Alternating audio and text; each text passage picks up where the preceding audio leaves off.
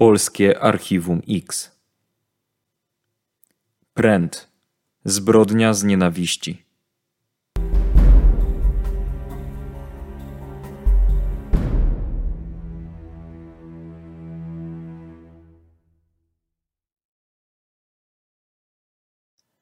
Wydarzenia, które rozegrały się niedaleko centrum Krakowa, na zawsze miały pozostać tajemnicą.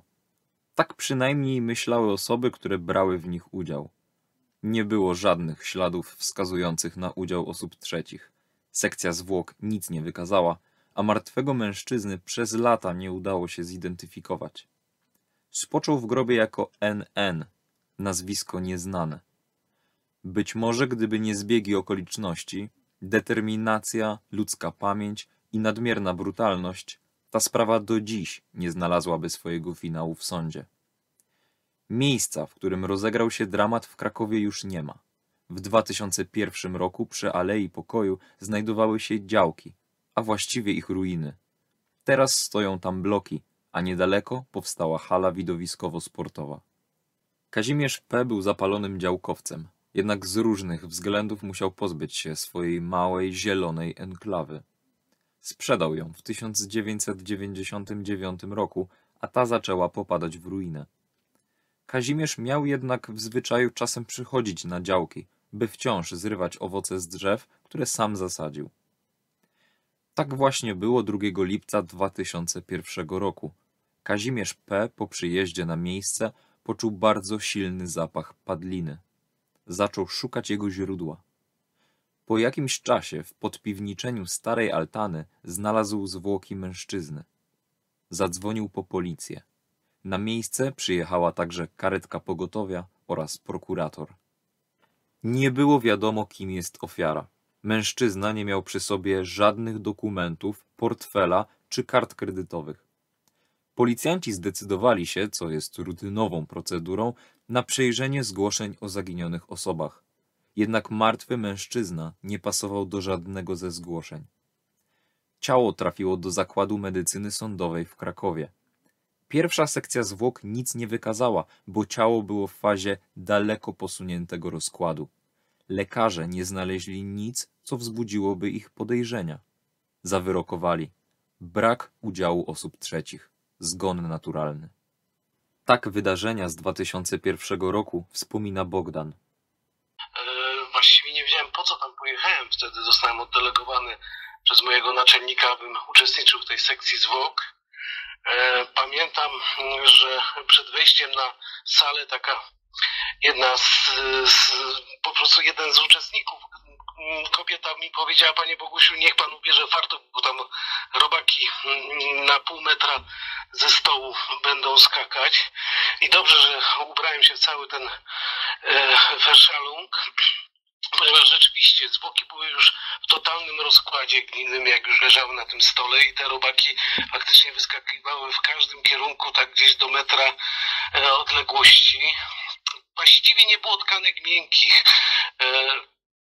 Cóż można było zobaczyć? No, nie można było nic stwierdzić, jaka była przyczyna zgonu. E, pamiętam, że na stoliku obok głównego stołu sekcyjnego leżała gazeta, leżał taki pręt żebrowany takiej długości jakieś metr dwadzieścia jakieś, jakieś zwęglone przedmioty i właściwie tyle wiedziałem o sprawie. Właściwie od początku do końca nie wiedziałem po co się tam znajdowałem. Zrobiłem z tego notatkę, że biegli z medycyny sądowej nie stwierdzili udziału osób trzecich na zwłokach. Zaznaczyłem, że zwłoki były w dużym e, bardzo postępującym mm, rozkładzie gnilnym. Brak tożsamości, brak śladów zbrodni, brak jakiejkolwiek wskazówki, że mogło dojść do przestępstwa. Ciało zostało pochowane w grobie i opisane jako NN. Wszystko wskazywało na to, że martwy mężczyzna był osobą bezdomną. Była to na pewno ciężka i duża praca, ponieważ tak jak sam powiedziałeś, jest to środowisko bardzo hermetyczne. Patrząc tak z zewnątrz widzimy tylko właśnie tych bezdomnych, którzy gdzieś tam przewijają się w wielkich miastach, żebrają, dworcach, pod, pod sklepami zupełnie inaczej ich oceniamy. Natomiast jest to bardzo specyficzne środowisko, można powiedzieć, że dosyć dobrze zorganizowana grupa hierarchiczna, która powoduje to, że dotarcie głęboko, uzyskanie jakichś informacji jest trudne. Dodatkowym yy, tutaj yy, dodatkową przeszkodą jest też to, że ci ludzie bardzo często przemieszczają się, prawda? Sezonowo udają się w miejsca, gdzie, gdzie, gdzie, gdzie można czyli na wybrzeże, w góry, w różne miejsca i, i te osoby gdzieś, które przebywały w jednym miejscu, w danym mieście znikają, przemieszczają się, więc na pewno to jest, to była dla nas bardzo żmudna, ciężka praca, y, żeby ustalić te osoby, ustalić ewentualnych świadków, dotrzeć. To wiązało się też z tym, że podróżowaliśmy wiele po Polsce, żeby uzyskać y, zeznania, wyjaśnienia niektórych świadków i dotrzeć do. Opowiada Mariusz. Dwa lata po odnalezieniu ciała na działkach do policjantów z krakowskiego Archiwum X zaczęły docierać informacje o tym, że wśród bezdomnych doszło do morderstwa. Jeszcze w latach dziewięćdziesiątych ubiegłego wieku to środowisko było bardzo hermetyczne. Bezdomni bez pracy i stałego miejsca zamieszkania często posługiwali się pseudonimami czy kradzionymi dowodami osobistymi. To był i do dziś jest inny świat funkcjonujący i kierujący się swoimi zasadami. Ludzie z różnych powodów trafiają na bruk. Ktoś źle zainwestował, inny stracił pracę albo się rozwiódł i zaczął pić. To może się przytrafić każdemu. Wtedy albo masz siłę walczyć i mierzysz się z życiem, albo odpuszczasz i trafiasz na dno. Świat bezdomnych, alfonsów, prostytutek, złodziei i recydywistów to państwo w państwie. Tam nie ma miejsca na litość czy miłosierdzie. Karą za kradzież wózka do zbierania złomu może być śmierć. Za odbicie kobiety także. Przetrwasz albo zginiesz. Tymczasem w krakowskim środowisku bezdomnych mnożyły się historie o rzekomym zabójstwie. Nikt jednak nie potrafił podać żadnych szczegółowych informacji, miejsca zbrodni, imienia czy pseudonimu ofiary, ani sposobu zabójstwa. Policjanci z krakowskiego Archiwum X postanowili pójść pod budynek Miejskiego Ośrodka Pomocy Społecznej i czekać na osoby, które zgłaszały się po zapomogi czy talony żywnościowe do barów mlecznych. Nie było sprecyzowane, z kim będą rozmawiać. Dużą rolę odegrała intuicja. się sprawiło, że dwa lata później doszły do mnie informacje po prostu nawet wielu, z, wielu, z wielu źródeł, że w Krakowie, też nie było sprecyzowane, gdzie doszło do zabójstwa bezdomnego. Padł, padła tylko taka informacja, że był to bezdomny związany z taką bezdomną dziewczyną.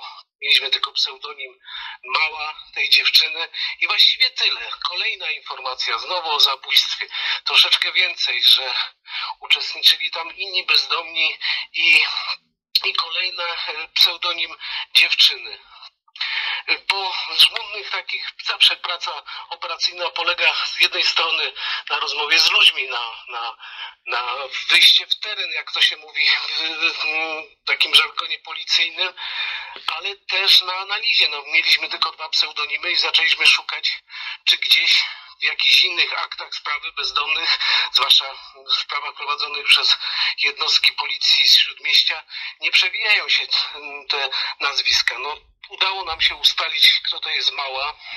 Udało nam się też ustalić prawdziwe nazwisko i imię kolejnej z bezdomnych. Uzyskaliśmy też informację, że, że te dwie osoby bezdomne pobierają po prostu raz w miesiącu taki zasiłek z MOPS-u i taką starą metodą, najstarszą znaną na świecie po prostu, że myśliwi polowali przy przy jeziorze, przy wodzie, tam gdzie zwierzyna przychodziła się napić, postanowiliśmy po prostu tą metodę zastosować z Mariuszem. Siedzieliśmy przez kilkanaście dni w komisji MOPS-u przyjmującej po prostu, dającej te zasiłki, to było uzgodnione z, z szefostwem tej jednostki, aż w końcu te dwie dziewczyny wyłapaliśmy. Wspomina Bogdan. Takim jak gdyby naszym pomysłem, który, który był gdzieś e, uzyskany od osób, które zajmują się tym środowiskiem, było to, że te osoby dostają e, zasiłki, e, które są wypłacane przez ośrodki opieki społecznej w danych miejscowościach i tutaj właśnie oni raz w miesiącu, prawda, uzyskując te pieniądze, stawiali się do kasy taki, taki wymóg, że osobiście pobierali te pieniądze z kasy miejskich ośrodków pomocy i tam była szansa na ewentualne zatrzymanie czy, czy, czy, czy ustalenie tych osób. No bo tak jak mówię, no jest to, jest to bardzo specyficzne środowisko i grupa, gdzie ustalenie tego miejsca pobytu, nawet w danym mieście, jeśli wiedzieliśmy gdzie, jest, jest, jest bardzo trudne. Opowiada Mariusz. Dziesiątki godzin rozmów przyniosły efekty. Udało się wyłuskać szczątkowe informacje o miejscu, gdzie mają przebywać zwłoki zamordowanego bezdomnego. Te, według relacji niektórych osób, zostały ukryte w okolicach Alei Pokoju, na działkach. Policjanci natychmiast rozpoczęli tam poszukiwania, ale nic nie znaleźli. Za to, kiedy wracali do samochodu, spostrzegli, że grupa bezdomnych zaczęła rozkręcać policyjny radiowóz. Wracając na komendę, przypomnieli sobie o zwłokach znalezionych dwa lata wcześniej – mniej więcej w tym samym rejonie, w którym teraz zakończyli poszukiwania. Nikt nie miał jednak pewności, że niezidentyfikowany mężczyzna to ten sam człowiek z opowieści bezdomnych. Wciąż, pomimo upływu dwóch lat, nie udało się ustalić, kim był tajemniczy zmarły. Tak, rzeczywiście to środowisko jest hermetyczne. Jeżeli mówimy o świecie bezdomnych, to musimy pamiętać, że jest to też świat prostytutek, świat alfonsów, świat recydywistów, złodziei, którzy mają normalne e, mieszkania, ale jak gdyby z tymi bezdomnymi urzędują i tworzą taką właśnie mini społeczność. Jest to społeczność bardzo hermetyczna. E, tam praktycznie nikt nikomu nie ufa i z tego powodu praktycznie nikt nie przedstawia się imieniem, nazwiskiem. E, są to fałszywe imiona, fałszywe nazwiska, jakieś tylko pseudonimy. W tym momencie, kiedy tą sprawą się zajmowaliśmy, już mieliśmy troszeczkę udogodnienie, bo, e, bo już ci bezdomni po, w ich rękach, w kieszeniach właściwie pojawiały się telefony komórkowe, przeważnie tak zwane e, prepaidy, czyli bez, po prostu na karty bez danych osobowych, ale to środowisko też cały czas się zmienia. Jeżeli mówię, jest tam ten stały element, to są te prostytutki, które mają stały adres tutaj w Krakowie, to są alfonsi, to są recydywiści, ale tak naprawdę bezdomni, oni się po, przemieszczają po, tak między Krakowem, Warszawą, Gdańskiem, Wrocławiem, ale bardzo lubią Kraków, bo jest to takie specyficzne dla nich miejsce. Tu zresztą żył i działał e, święty Albert Chmielowski. E, jest masę przytułków, jest masę jadłodajni dla bezdomnych, jest, są też prysznice, łaźnie dla tych bezdomnych, wydawane są im, e, wydawana im jest odzież, jest to duże wsparcie ze strony i kościoła i, i, i organizacji państwowych czy samorządowych. I stąd ten Kraków, a poza tym jest Kraków bardzo popularnym miastem turystycznym i bardzo dużo tych bezdomnych też żywi się z turystyki, po prostu będąc na przykład takim, oczywiście nie mówię, że każdy, ale swoistym przewodnikiem po Krakowie, gdzieś wskazać ulicę, y, za które dostają bardzo dużo pieniędzy, bo dużo rozmawiałem z bezdomnymi i mniej więcej wiem, jak, jak oni y, po prostu na co dzień żyją, jak oni funkcjonują i zdarzały się naprawdę im duże właśnie zarobki dzięki temu, że na przykład skazali jakieś miejsce mm, turystom z zagranicy. Ale generalnie w tym świecie rządzi alkohol. Wszystkie pieniądze, które ci bezdomni zarobią, no następnie yy, zakupują za te pieniądze alkohol.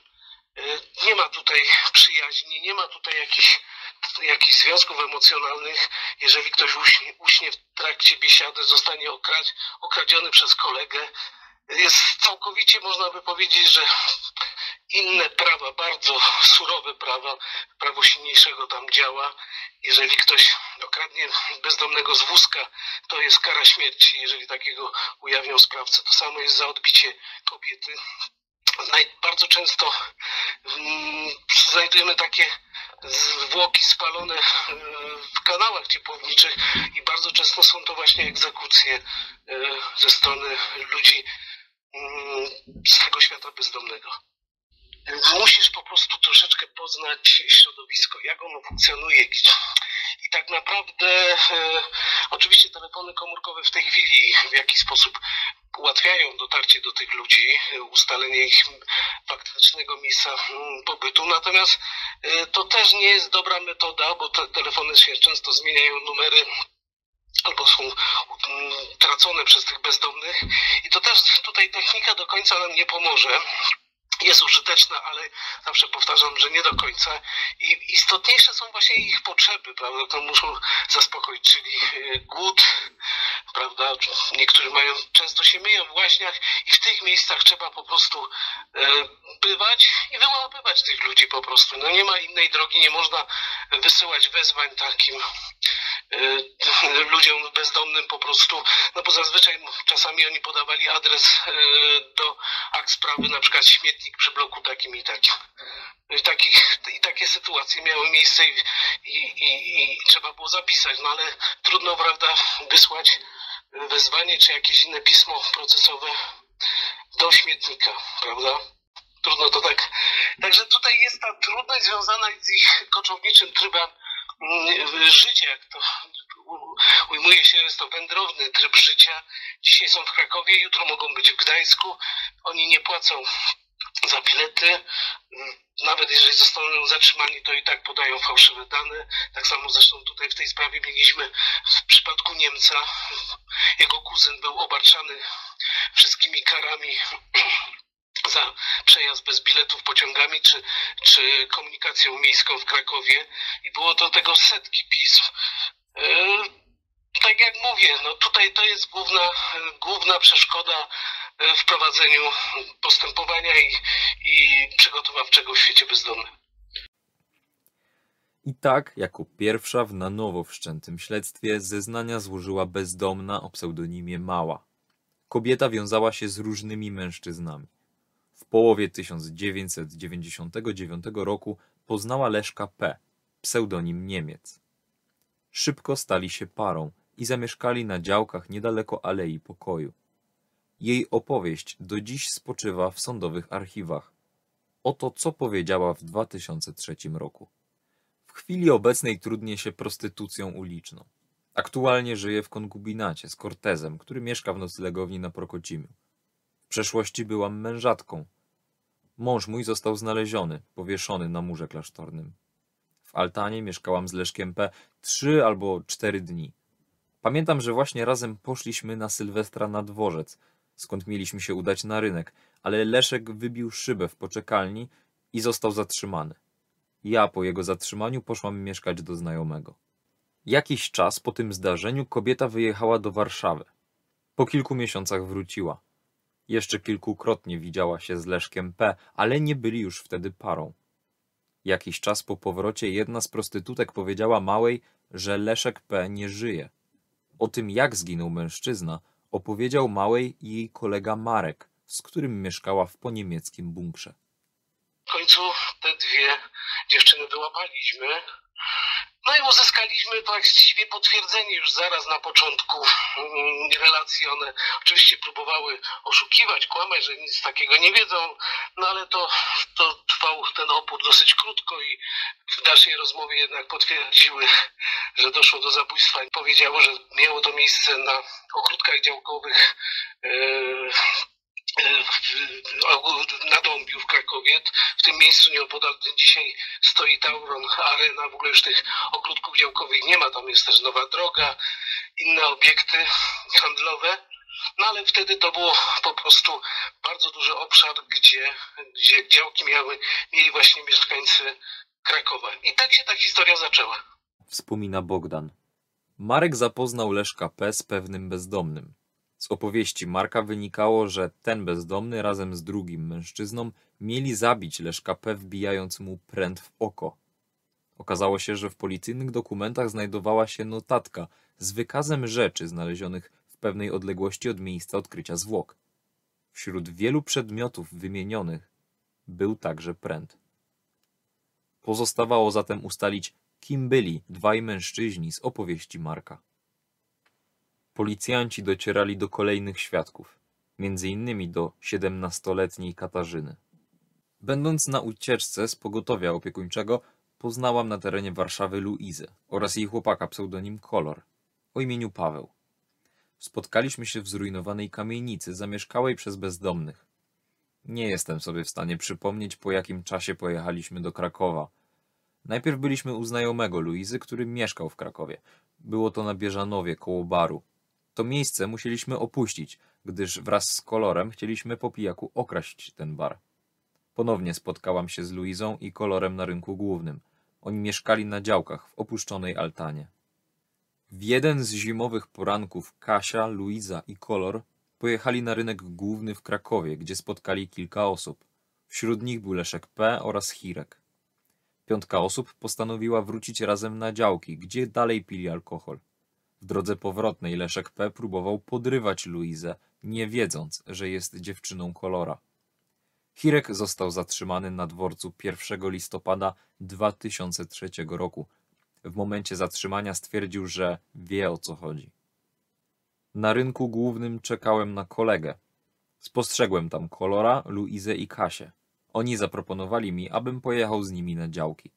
Był z nim jeszcze jeden mężczyzna, pseudonim Niemiec. Widziałem go pierwszy raz w życiu i ostatni.